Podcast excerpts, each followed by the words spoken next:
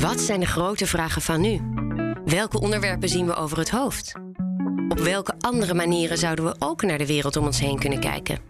De opinieredactie van het Financiële Dagblad selecteerde acht prikkelende en mooie essays van vooraanstaande of juist opkomende denkers en schrijvers. Zij zoomen in op hedendaagse problemen en leggen uit hoe het anders kan en waarom dat nodig is. Deze essays kun je lezen op fd.nl/slash essays, maar je kunt ze ook beluisteren. Straks hoor je het essay Behoed de Europese liberale democratie voor de sterke man, geschreven door Michelle de Waard. Zij betoogt dat we autoritaire leiders een halt toe moeten roepen. Maar eerst legt Lidian de Kruijf van de opinieredactie uit waarom de redactie dit een belangrijk onderwerp vond en wie de auteur is. Michelle schrijft vaker voor ons over uh, geopolitieke zaken en over financiële zaken. Uh, dit keer heeft ze een stuk geschreven over de sterke mannen uh, in de geopolitiek. Autoritaire leiders die de laatste decennia in opkomst zijn. Vaak via een democratische weg komen ze aan de macht. Trump, Bolsonaro in Brazilië, Erdogan in Turkije en natuurlijk ook Poetin in Rusland. En naar aanleiding van de inval in Oekraïne. Uh, heeft zij een stuk geschreven en heeft ze ingezoomd op de opkomst van die autoritaire leiders. Maar verhaalt ze vooral over uh, de vraag uh, waarom we eigenlijk die autoritaire leiders moeten stoppen. En, en, dat ze gevaar zijn voor onze democratische waarden in, in Europa. Behoed de Europese liberale democratie voor de sterke man. Door Michelle de Waard. De oorlog in Oekraïne zet de jongste geschiedenis van Europa op haar kop. Moskou is aan de haal gegaan met de naoorlogse vredesorde. Met internationale afspraken waarmee de Russen na 1945 zelf instemden. Zelfbeschikkingsrecht van landen en respect voor territoriale grenzen. De opkomst van, tussen aanhalingstekens, sterke mannen ondermijnt het liberale Europese model. De werkelijke strijd gaat om ontwrichting van het Westen, om politieke macht, uitbreiding van invloedssferen en grondstoffen. De wetten van de jungle zijn terug in de wereldpolitiek. Brute macht verdringt het internationale recht. Een blik op het dagelijkse nieuws maakt de huiveringwekkende details duidelijk. Het, tussen aanhalingstekens, nieuwe normaal, dat na de val van de muur in 1989 gegeven leek, lijkt nu de uitzondering in de geschiedenis te zijn. Dit is een eeuw van de strong man, constateert de Britse publicist Gideon Rackman in zijn jongste boek. Sinds 2000 is de opmars van de sterke man een centraal verschijnsel in de wereldpolitiek. In Moskou, Peking, Riyadh, Brasilia, New Delhi, Ankara en Budapest zijn leiders aan de macht gekomen die zich als autoritaire leider, de macho-man, anseneren. De Russische president Vladimir Poetin is hun archetype. De eigenmachtige leider presenteert zich populistisch en nationalistisch. Hij, het is bijna nooit een zij, kijkt vol nostalgie naar de vergane glorietijd van zijn land. Zoals de Turkse president Recep Tayyip Erdogan, die met Morris uit het Ottomaanse Rijk de NAVO probeert te chanteren. Of de Hongaarse premier Viktor Orbán, die zich nog altijd niet kan neerleggen bij het kleinere Hongarije dat uit de opdeling van het Habsburgse Rijk is ontstaan. Sterke mannen zijn afkerig van cosmopolitisme globalisering en verwerpen de liberale internationale orde. Sterker nog, ze zijn systematisch bezig westerse democratieën te ondergraven, schrijft Rackman, buitenlandscommentator bij de Financial Times. De Chinese leider Xi Jinping zei het enkele jaren geleden onverbloemd. We moeten nooit het pad van het westerse constitutionalisme volgen, de scheiding der machten of juridische onafhankelijkheid. En Poetin noemt het westerse liberale model een mislukking. Rusland heeft niets van het Westen te leren, zei hij drie jaar geleden in een interview met de Financial Times. Liberalen kunnen niet simpel alles aan iedereen opleggen zoals ze steeds geprobeerd hebben te doen de laatste decennia, zei hij. Daarmee zette de Russische leider de toon in de wereld van autocratische en anti-westerse leiders.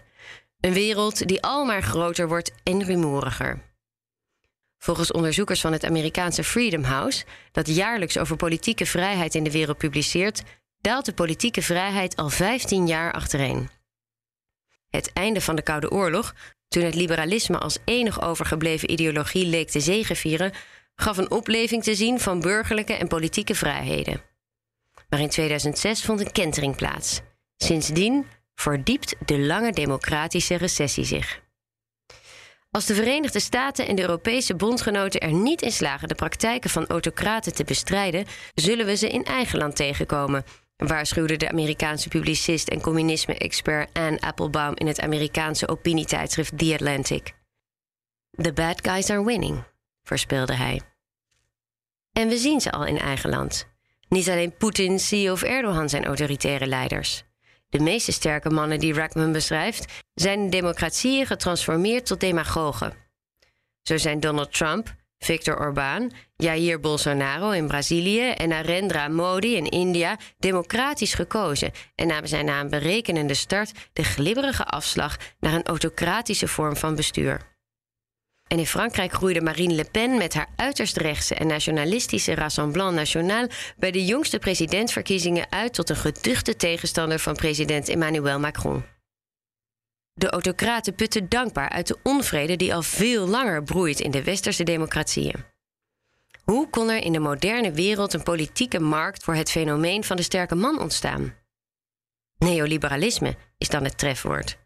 Na de Tweede Wereldoorlog was de liberale democratie in het Westen het dominerende model dat welvaart en vrede genereerde en persoonlijke autonomie respecteerde. Even leek het zelfs het enige politiek-economische model te zijn toen het Sovjet-communisme failliet ging. The end of history noemde de Amerikaanse politicoloog Francis Fukuyama dat in 1992 stoutmoedig. Maar met de uitbarsting van de internationale financiële crisis in 2008 spatte ook de liberale droom uiteen. Al gauw kwam het begrip neoliberalisme bij links en rechts in zwang om de excessen en fouten van het heersende kapitalisme te benoemen. De sterke mannen die Rackman beschrijft, rebelleren tegen de liberale consensus. Hun achterban op het platteland is vooral boos. Dat zie je bij uiterst rechts en bij uiterst links. Boos over het onvermogen om bankiers te straffen die schuldig waren aan de crash in 2008. Boos over de vernietiging van de traditionele industrieën in Amerika's Rust Belt door de globalisering. Boos op de hoge werkloosheid in de Britse kuststeden, waar de Britten het hadden voorzien op de Poolse loodgieter die tegen een lager loon zijn vakwerk aanbood. In zijn nieuwste boek Liberalism and its Discontents beschrijft Fukuyama hoe een jarenlange politiek vanuit de hand gelopen deregulering, privatisering en globalisering tot een verveelvuldiging van inkomens leidde. Tegelijkertijd deed dit de ongelijkheid tussen landen en groepen burgers fors toenemen. In veel landen zagen de bewoners een kleine klasse opkomen van oligarchen en multimiljardairs, die haar economische macht gebruikten voor politieke beïnvloeding via lobbyisten en door mediaplatforms over te nemen. Globalisering stelde deze groep in staat hun geld veilig te stellen in belastingparadijzen. De komst van miljoenen vluchtelingen uit Syrië en Afrika plaveide tot slot het pad voor de populisten. De gevolgen bleven niet uit. De Britten verlieten de EU. Trump veroverde het Witte Huis. Orbán en zijn Poolse collega's stegen in populariteit. Het marktkapitalisme was, tussen aanhalingstekens, de schuld van de erosie van het gezin, de lokale gemeenschap en de traditionele waarden. Orbán werd het boegbeeld van de illiberale democraten die pers en het rechtssysteem naar hun hand zetten. Ook in Nederland legde de neoliberale golf van de jaren 90 de basis voor de opkomst van rechtspopulisme, stellen Bram Mellink en Marijn Oudenamse in hun boek Neoliberalisme, een Nederlandse geschiedenis. Neoliberaal beleid heeft een holle staat geschapen, schrijven ze, en doelen op de doorgeschoten marktwerking en bezuinigingen in de zorg. Hoe het tijd te keren nu de liberale democratie zowel van binnen als van buiten wordt bedreigd? Kan president Joe Biden het prestige van de beschadigde Amerikaanse liberale democratie herstellen en de opmars van de sterke mannen stoppen? In het geval van Oekraïne verdient Biden consequente steun van zijn bondgenoten. Politieke steun van een eensgezinde EU die per meerderheid dient te beslissen over urgente geopolitieke kwesties in plaats van zich maandenlang te laten gijzelen door één enkele lidstaat. Daarnaast is er snellere en omvangrijke militaire steun nodig. Het Europese beschavingsmodel is immers in het geding. Een autoritaire leider als Poetin wijkt niet voor softe diplomatie. Wapens in plaats van woorden. Alleen machtspolitiek plaatst hem voor het blok. En wat te denken van een gezamenlijke China-strategie om de afhankelijkheid van de strategische producten te spreiden. De VS en de EU zijn tot elkaar veroordeeld. In beide machtsblokken wordt de liberale democratie van twee kanten bedreigd. Om die reden dient de holle staat weer inhoud te krijgen. De Nederlandse overheid bijvoorbeeld moet investeren in haar rol van bruggenbouwer naar de burger. De overheveling van allerlei publieke en sociale diensten naar calculerende bureaus is ontspoord. Burgerconventies à la Macron, waarbij burgers direct meepraten over grote maatschappelijke thema's, kunnen helpen. Het vertrouwen moet worden hersteld. De to-do-lijst is lang. Genoeg betaalbare woningen, minder sociale ongelijkheid, langdurige versterking van de veiligheid. Leren van Oekraïne betekent opkomen voor het westerse waardestelsel, elke dag opnieuw. Niet alleen in de Donbass, maar ook in eigen land. De grote uitdaging is Europa's liberale beschavingsmodel te verdedigen. In het parlement, op scholen, in het gezin en in de wijken. Dit was het essay van Michelle de Waard. Wil je meer essays lezen of beluisteren die de opinieredactie van het FD selecteerde? Kijk dan op fd.nl/essays.